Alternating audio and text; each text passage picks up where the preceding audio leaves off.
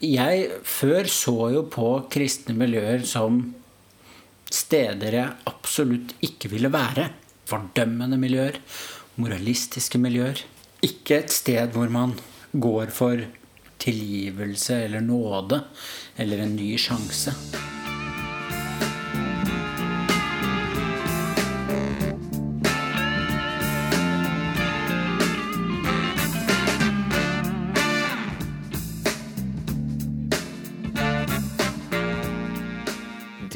På Daniel Joakim, en podkast med filosofi i møte med Gud, vitenskap, kristen tro, etikk og mye mer.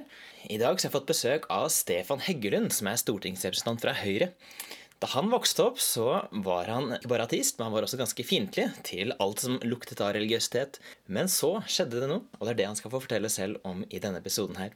Han ler så mye og så hjertelig at jeg skal innrømme at hvis jeg har en traust dag, så hender det at jeg bare slår på denne podcasten her. Og da når han ler, så blir jeg ganske godt humør, jeg også. Så det kan dere glede dere til. Du kan komme med tilbakemeldinger på mail at danieljoakim.org, eller ta kontakt på Facebook. Det er det veldig trivelig om dere gjør. Jeg tjener ikke noe på å lage det her, så det viktigste for meg er egentlig å lage noe som folk ønsker å høre på, og noe som folk føler at de får noe igjen for. Ellers er det jo veldig trivelig dersom du går inn på iTunes og ikke bare abonnerer, men kanskje har lyst til å legge igjen en liten review og en rating, slik at flere får muligheten til å se denne podkasten her. I ukene og månedene som kommer, så blir det flere intervjuer med veldig interessante mennesker. Og I tillegg så skal vi stille spørsmålet hvordan kan noen tro på Gud i utgangspunktet, før vi da kaster oss over både fri vilje og gudsbevis. Litt sånn småtteri der, altså. Nå skal dere få høre fra Stefan Heggelund.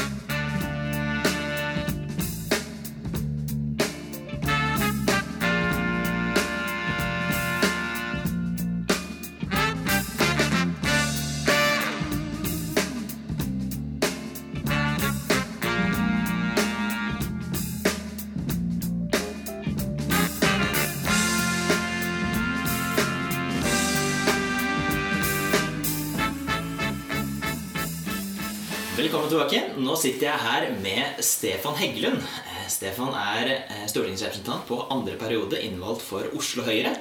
Eh, Og ikke bare det, han er også en podkast-konkurrent. Så jeg kjenner at jeg får litt prestasjonsangst ved å ha deg her. Men i hvert fall velkommen, Stefan. Tusen hjertelig takk skal du ha. Hva slags podkast er det dere driver og lager? Det er jo en ideologisk podkast. Så det er ja, pleier å si det er en podkast for de som ligger og tygger på glass. For det skal handle om ideologi. Ja.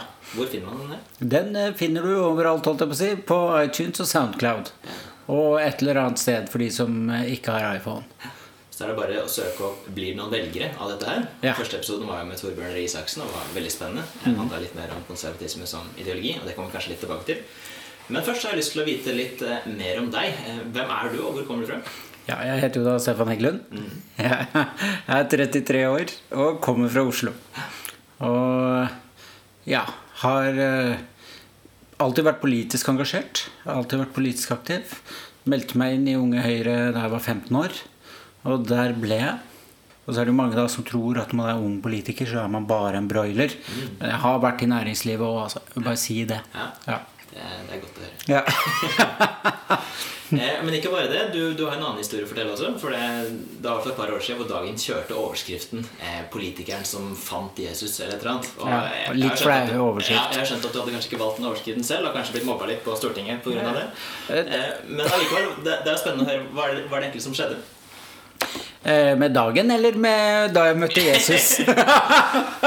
Nei, nei, hva er historien din? For det, I dag så vil du vel kalle deg en kristen, men det, vil jeg gjøre. Det har vel ikke alltid vært sånn? Nei, det har det ikke. Jeg var veldig Altså, jeg var eh, Absolutt ateist, var jeg. Mm. Kompromissløs ateist, pleide jeg å si at jeg var.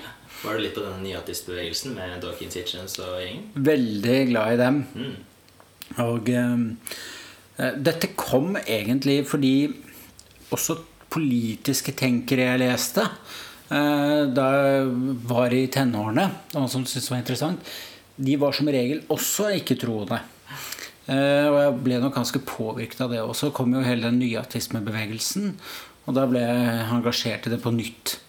Eh, og eh, ja, le, lest alt sammen av nyatistisk litteratur. Kanskje ikke alt, da, men veldig mye. Ja. Ja. Så da kom det kanskje et punkt for du var ganske overbevist om at alle som var religiøse, enten så, enten så forsto de bare ikke vitenskap og fornuft, eller så ja, led de under noe ønsketenkning. Eh, ja, De trodde på spøkelser. Ja, Ja, Så det, så det er et ganske langt steg derfra. Hva, hva skjedde så? Nei, det skjedde ganske mange ting. Jeg vet nesten ikke hvor jeg skal begynne engang. Så mye som har skjedd. Men eh, det var jo slik at dette temaet engasjerte meg, og jeg kunne ikke i det hele tatt forstå at noen kunne tro. Uh, og jeg, jeg, ble nesten litt sånn provosert av det også. Uh, og jeg var for øvrig jeg var ikke bare ateist, jeg var også antiteist. Så var he, jeg var helt der ute. Hvis du kunne trykke på en knapp som fjerner all religion fra kloden, så hadde du gjort det? Så hadde jeg gjort det. Uh, og, og, liksom Og jeg var nærmest der og sa at hvis jeg fant ut at det var sant, ville jeg ikke brydd meg om det. Mm. Jeg ville fortsatt vært i opposisjon til dette himmelske diktaturet ja, som jeg så på det som da. Eh, og, og, men da, da, var det jo sånn at hvis jeg møtte noen kristne, så tenkte jeg flott, da kan jeg diskutere. Og da tror jeg det er viktig for meg at jeg innrømmer like så greit at jeg var ikke interessert egentlig i å høre så mye på hva de hadde å si. Det vil si, jeg var det, for jeg ville jo gjerne forstå hvordan i all verden de kunne tro.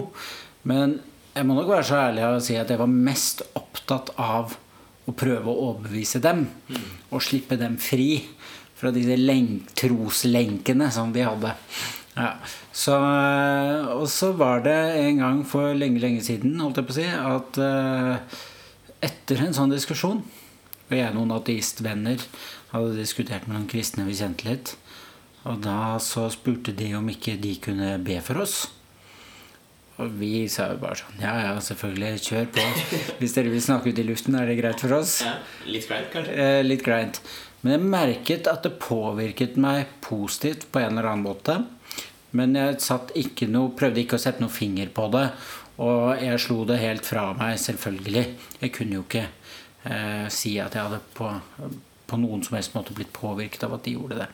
Og hva det var som jeg tenkte eller følte på, det husker jeg jo ikke nå. Men et eller annet var det. At jeg syntes det var veldig fint at de gjorde det. eller noe sånt. Men eh, det kunne jeg jo ikke innrømme da, verken for meg selv eller for noen andre. Men selv, selv som ateist så kunne du bare tenke at dette var en handling med medmenneskelighet? At det var en fin ting i seg selv? Ja. Selv om det kanskje da ikke var noen høyere makter involvert? Ja, men jeg tror ikke jeg var helt på det sporet heller, skjønner du.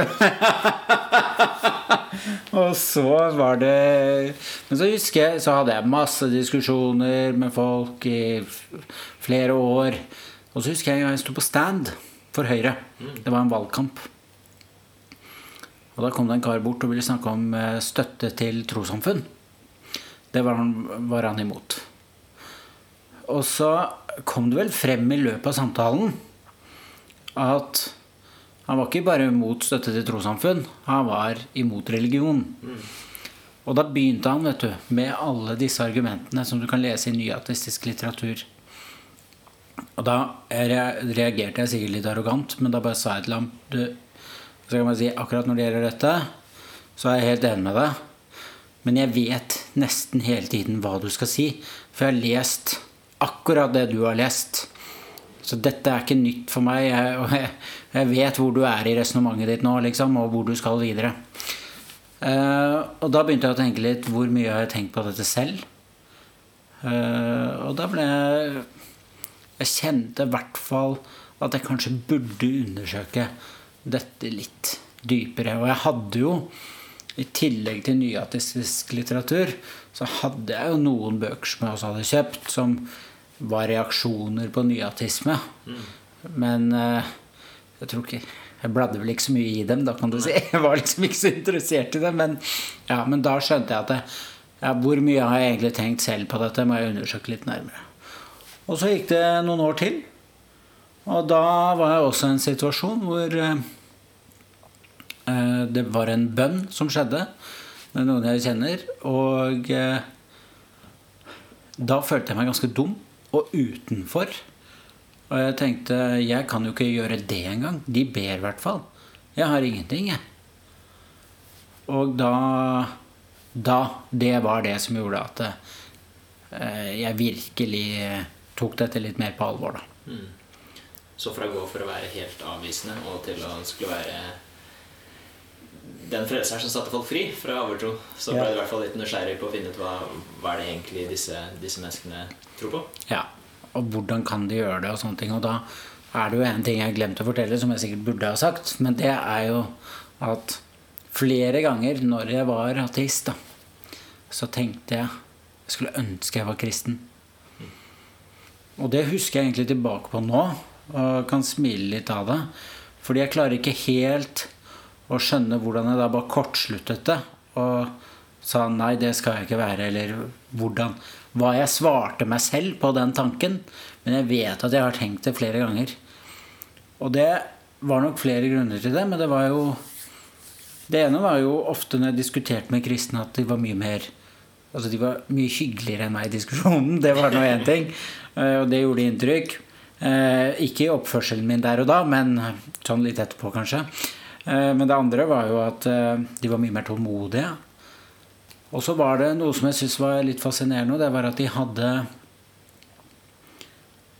De kunne ikke svare på alt, og de hadde ikke gode argumenter for alt hele tiden.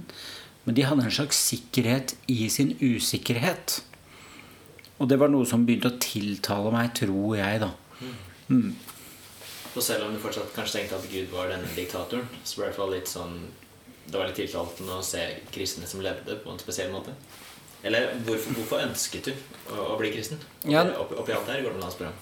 Ja, det tror jeg er fordi Det tror jeg er på grunn av en lengsel som jeg ikke tror jeg er alene om. Men en lengsel for Hvis vi skulle ta et banalt eksempel, da. At uh, du har en vanskelig livssituasjon.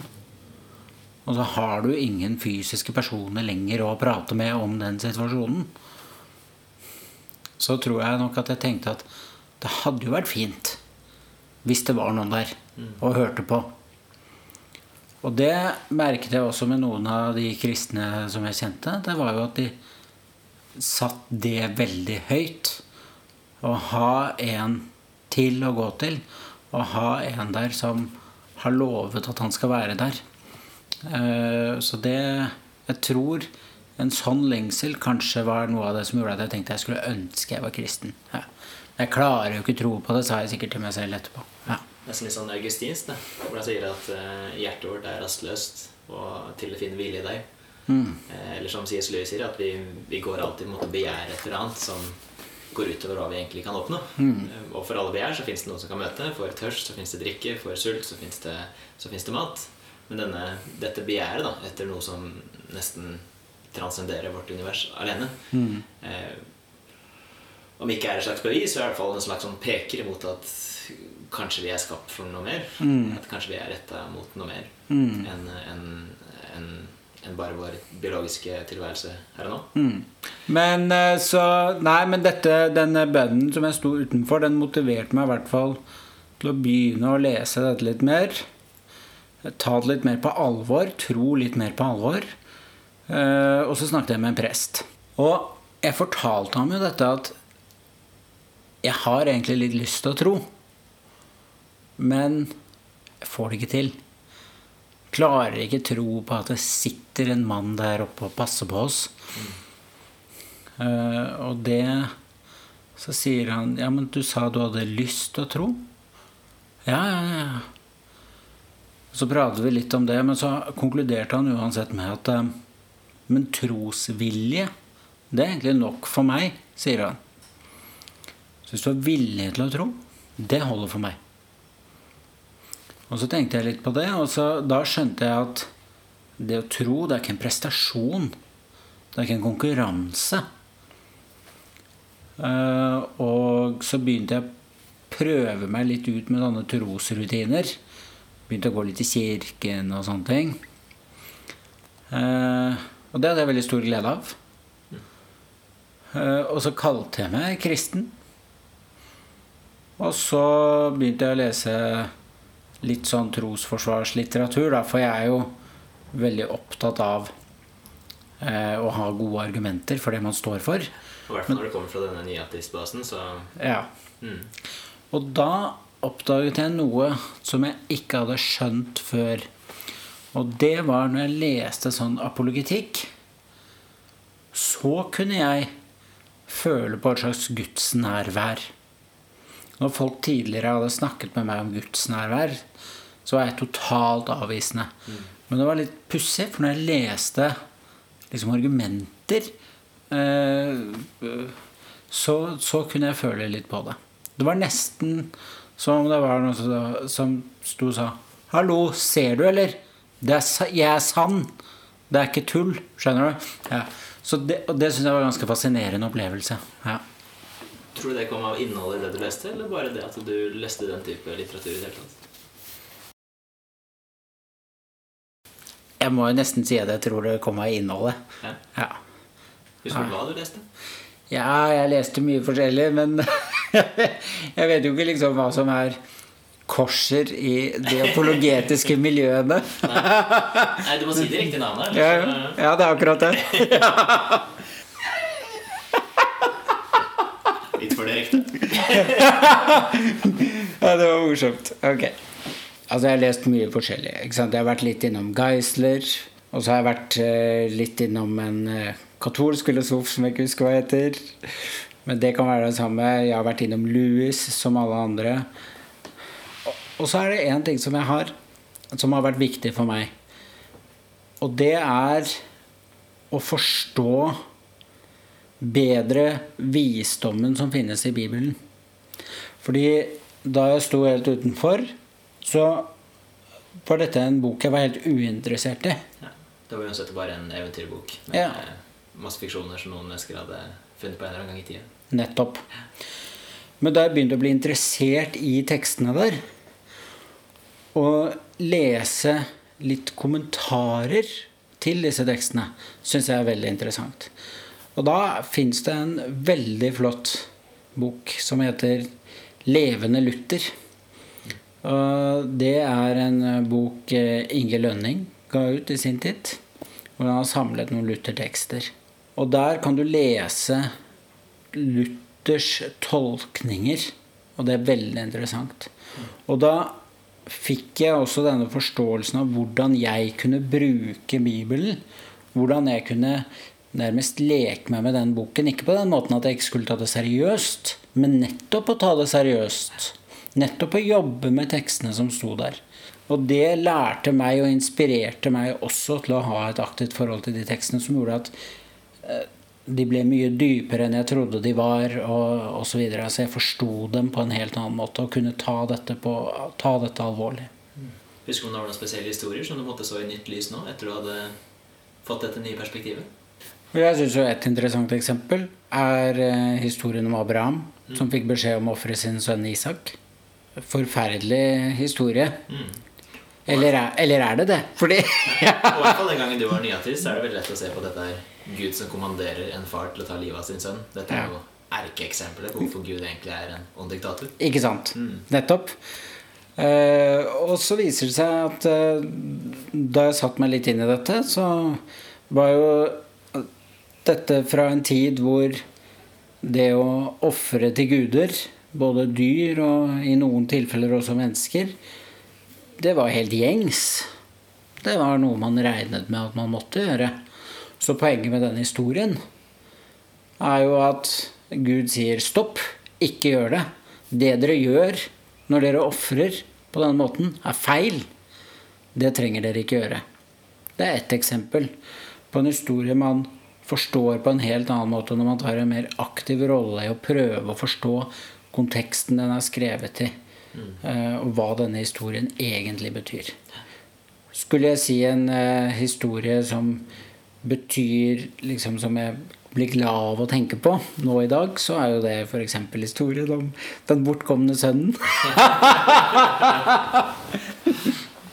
Ja, Føler du deg som den bortkomne sønnen? Var du også ute og spilte bort masse penger på piker, vin og seng? Ja, og så begynte jeg å jobbe i en grisebinge. ja. er? Sikkert noen som vil kalle Høyre for det. om.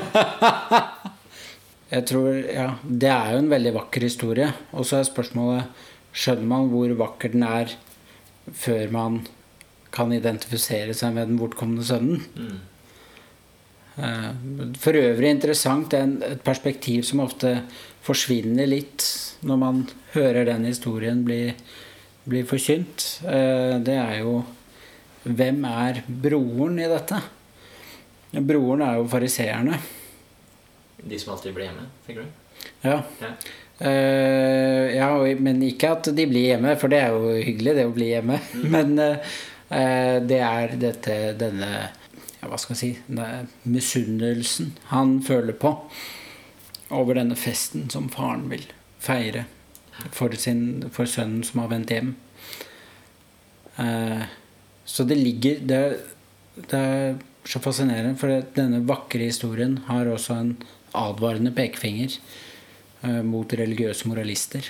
Og eh, vi kan jo nevne i fleng tolleren og fariseeren eh, som er i tempelet for å be. Og Gud, jeg takker deg for at jeg ikke er som de andre, at jeg ikke er som tolleren der borte. Mens tolleren sier 'vis med nåde'. Hvem gikk hjem rettferdig, ifølge Jesus? Jo, det var tolleren. Mm. Så hvis du noen gang tviler på nåden, så bare husk på historien om tolleren og fariseeren. ja. I hvert fall en viktig påminnelse om at eh, hvis vi tror at vi er den som er perfekte, så mm. er det antagelig skjedd et eller annet, en eller annen glipp i vår evne til å ha selvinnsikt. Ja. Men, men, det som jeg nok har kanskje sett mest på, er jo noe av det som du hadde i forrige episode. Og det er historiske bevis da, for Jesus' eksistens. Mm og hvor troverdig historien er historisk. Eh, og det at eh, når det kommer til f.eks. oppstandelsen, så sier jo historikere, og de kan jo ikke på en måte som fagpersoner i historie, så er det jo vanskelig for dem å ta utgangspunkt i at ja, det skjedde et mirakel.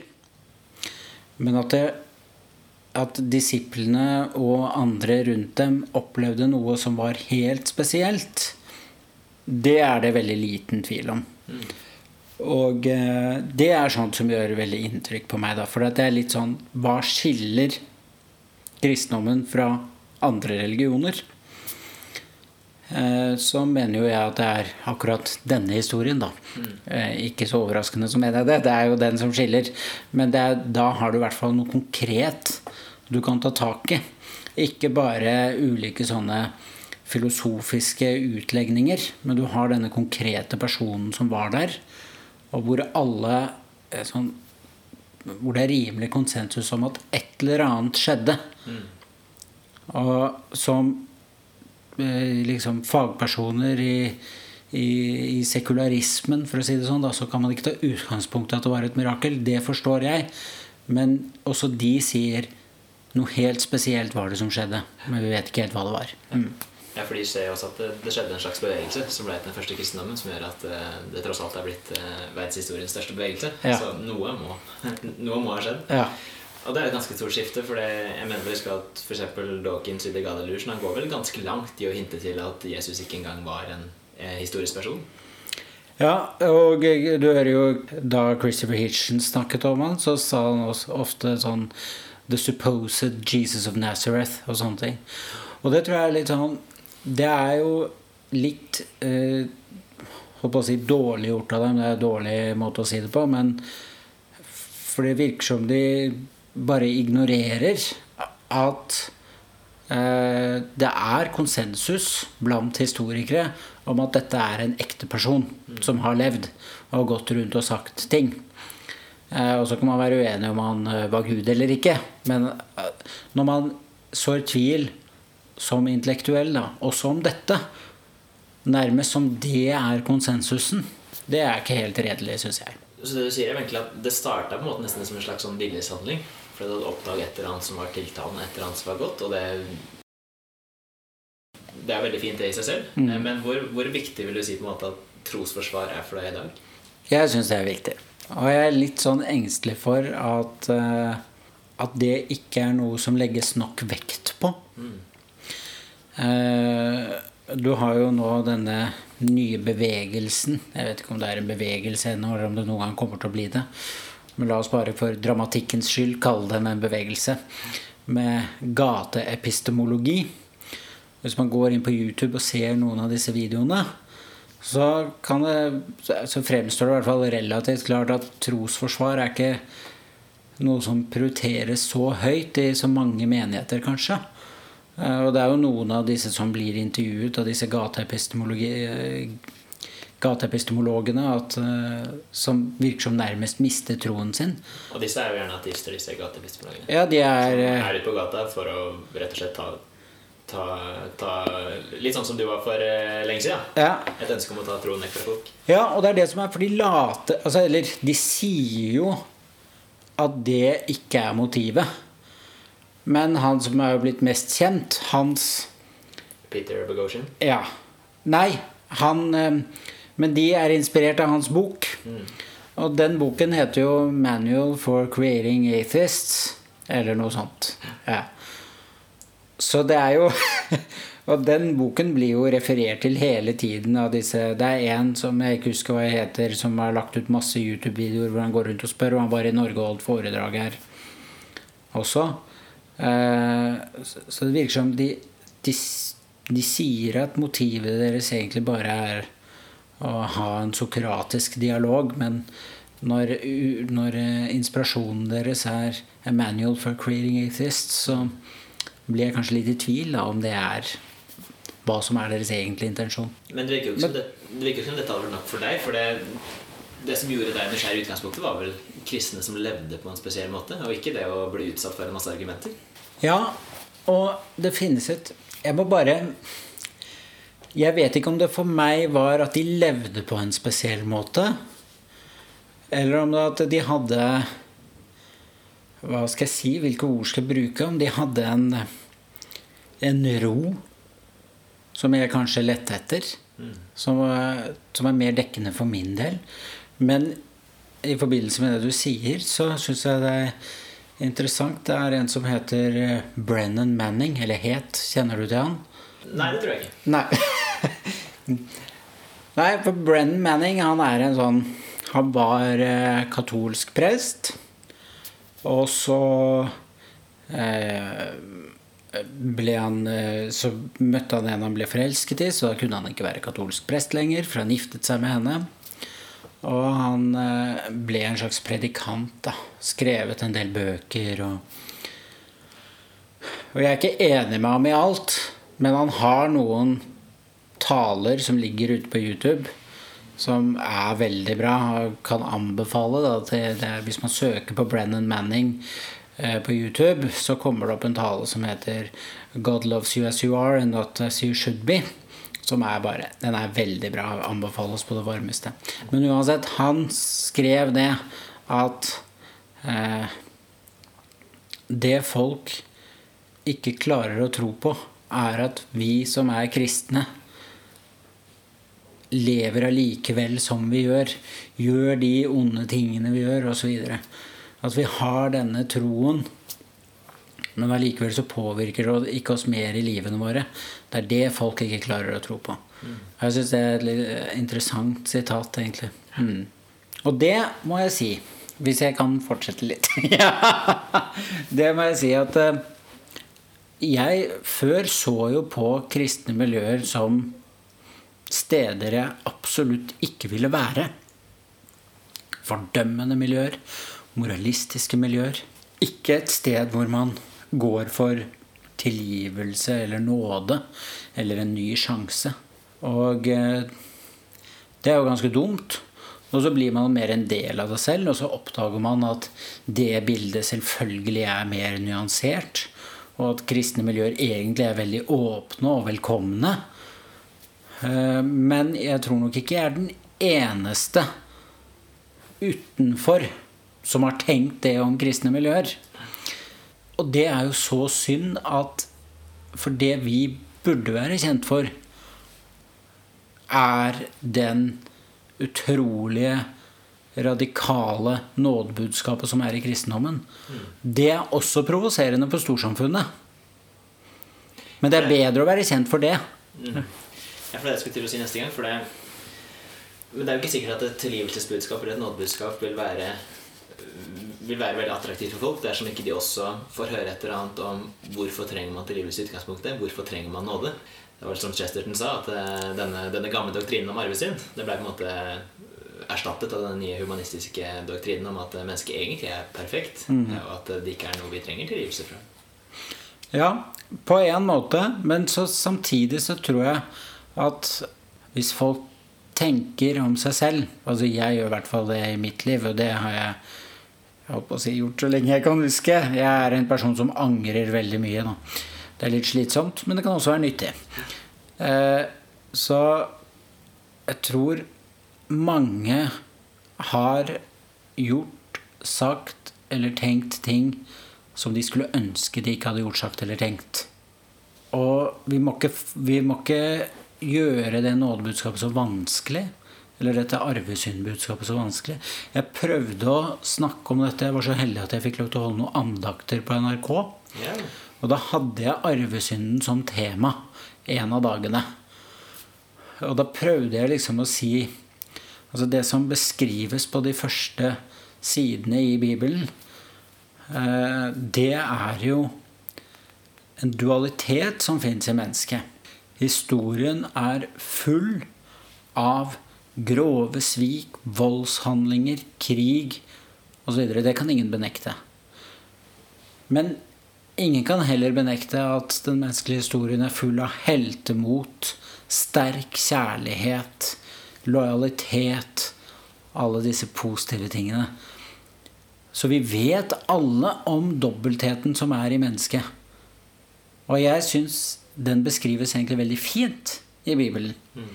Og det er vel Keller som har sagt dette som jeg slet veldig med å forstå med kristendommen før, men som jeg syns han formulerer veldig fint.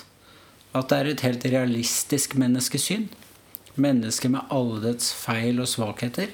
Samtidig som det er opphøyd på en helt spesiell måte. Igjen så er det vel Chesten som sier at eh, arvesynd er på en måte den eneste kristne doktrinen som det fins overveldende empirisk evidens for. Ja. Så hvis du lurer på om du trenger tilgivelse og nåde, så, så trenger man egentlig bare en solid dose selverkjennelse. Både for en stillstand som eh, del av menneskeslekta, men også som, eh, også som individ. Mm. Men så er det jo ganske interessant da, hvordan Selv om vi ser at menneskeheten er i stand til å gjøre mye grusomt, eh, men allikevel at vi ser disse heltene, og at vi til og med blir tiltalt av det. Mennesker som viser mot, mennesker som viser dyder midt oppi all mørket. Så kan man på en måte da spørre om hvorfor Hvorfor ser vi på det som så attraktivt? Hvorfor, hvorfor ser vi på det som så vakkert? Dersom alt til syvende og sist egentlig bare er ja, natur som fortsetter å være natur, biologi som fortsetter å være biologi. Det- Dersom det ikke er, det fins noen idealer da, som transcenderer det å være, det å være menneske i seg selv. Mm. Og ikke minst at disse idealene kanskje ble eh, eksemplifisert helt perfekt i, en, i en historisk person, som du sier. Ja. Eh, Jeg så du fikk en del oppmerksomhet for en tweet i, i juletida. Ja. Da var det denne nyhetshistorien med en, med en tigger som var utkledd som julenisse. I, eh, jeg husker ikke om det var Asker Bærum-området. Hvor det da ble litt provosert over at en tigger våget å kle seg ut som julenisse og attpåtil satt rett utafor kirka. Mm. Da hadde du en eh, viss reaksjon på det, hadde du ikke? Jo, jeg syns den saken var nitrist. Og jeg så at det var noen på sosiale medier som reagerte på at, eh, reagerte på at den i det hele tatt var trykket. Eh, Men for meg så var ikke det poenget. Poenget var at når det sitter en tigger utenfor kirken, hva han har på seg, er litt irrelevant. Og om han har prøvd å pynte seg litt til jul, eller hva som var intensjonen, er egentlig ikke så farlig. Poenget er at han er en tigger, og han sitter utenfor et bygg som skal symbolisere den største holdt på å si, nestekjærlighetstanken som, er, eh, som vi har hørt om i menneskehetens historie. Og det er da Jesu nestekjærlighetsbudskap. Og da reagerte jeg litt på det, så da tvitret jeg litt om det. Og da spurte jeg Jeg, prøvde å spørre litt retorisk. Vi kan jo spørre han som eier kirken, hva han synes. Og så siterte jeg da at eh, Det dere ikke gjorde mot en av disse minste, gjorde dere heller ikke mot meg, tror jeg det er. Kan ikke helt utenat. Som sier ganske sterkt at Jesus identifiserer seg Mm. med, med hver, hver enkelt en av oss. Slik at det å gjøre en handling neste kjærlighet er som å gjøre den handlingen mot Jesus selv. omtrent. Det er noe som man kan plages litt med. Hvis, man, hvis vi bare glemmer nådebudskapet litt, da, så kan man plages litt med den tanken at det For en som kaller seg kristen, det kommer med noen ganske store forpliktelser i måten man er på som menneske. Og så faller man Altså man kommer til kort hele tiden.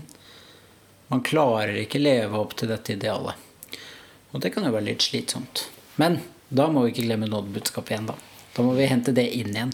Og det tror jeg det må være en form for tvil som er den verste å gå igjennom. Og jeg har følt på det selv noen ganger. Det er hvis du først begynner å tro på Gud, og så legger du ikke den troen fra deg, men det du begynner å tvile på når du tenker på ting du har gjort eller sagt, eller ting du ikke har gjort. At du begynner å tvile på nåden. Så du tror på Gud, men du tviler på nåden, og da sitter du bare igjen med vreden. Og det, det, det er ikke så lett. Nei. Men eh, ja. Men det er derfor jeg sier også Det er ikke noe rart at, vi, at man kan av og til tvile på nåden. Eller gjelder nåden meg med det jeg har gjort? Det er ikke noe rart, fordi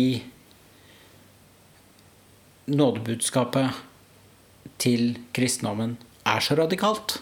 Mye mer radikalt enn måten vi snakker om det i dagliglivet. Nå er ikke nåde et ord vi bruker så mye i det daglige. Men det er, mer, det er en mer radikal forståelse av det begrepet som Jesus har, enn det vi har i samfunnet vårt i dag. Mm.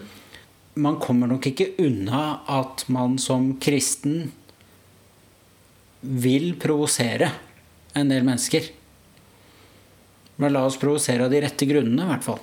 Spennende. Og de, og de første kristne ble også, var også veldig provoserende. Men de var provoserende fordi de fordi de levde sammen, fordi de delte, fordi de tok seg av syke og spedalske. Fordi, de, fordi, de, fordi, mennesker så at de levde på en helt annen måte enn hva de egentlig var vant til. Mm.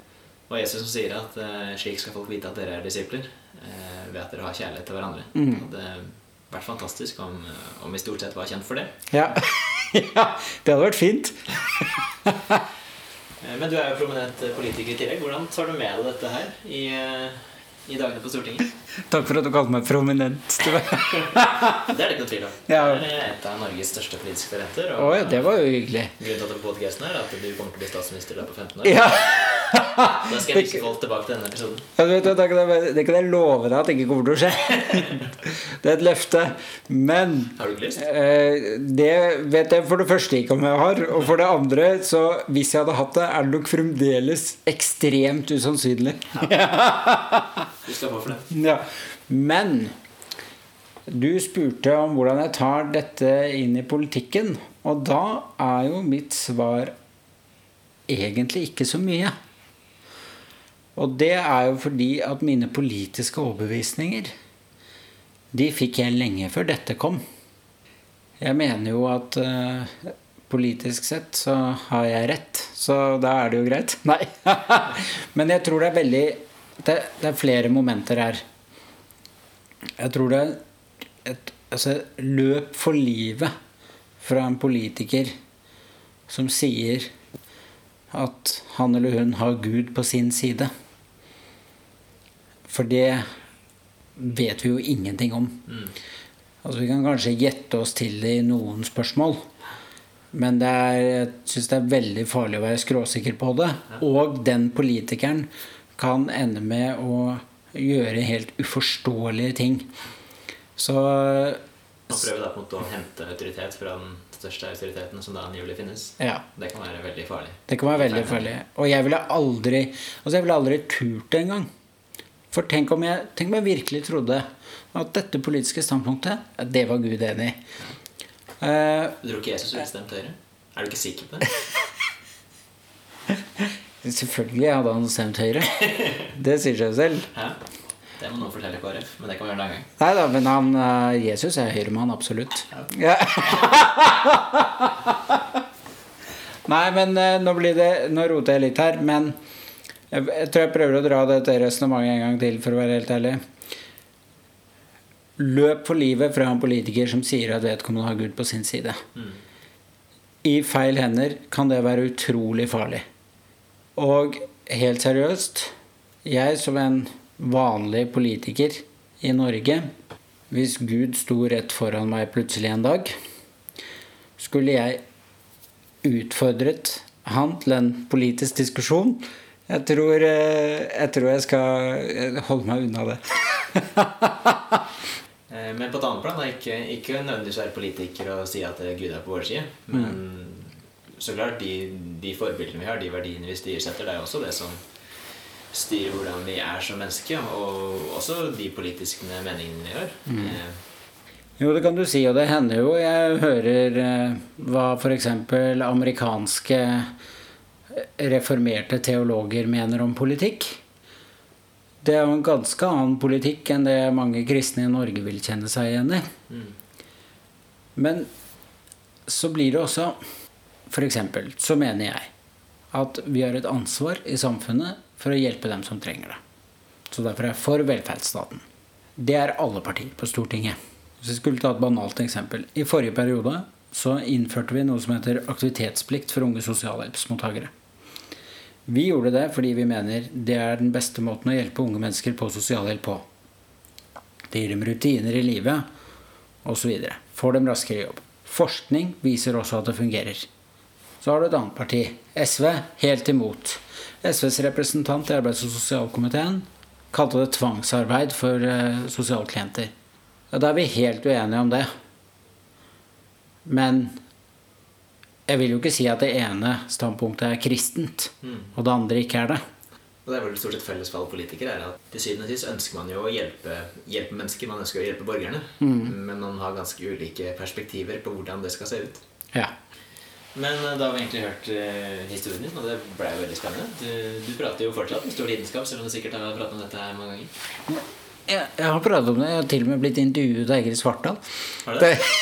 det, det men det er sånn Her har jeg gått rundt og vært kristen eh, en del år, ikke sant?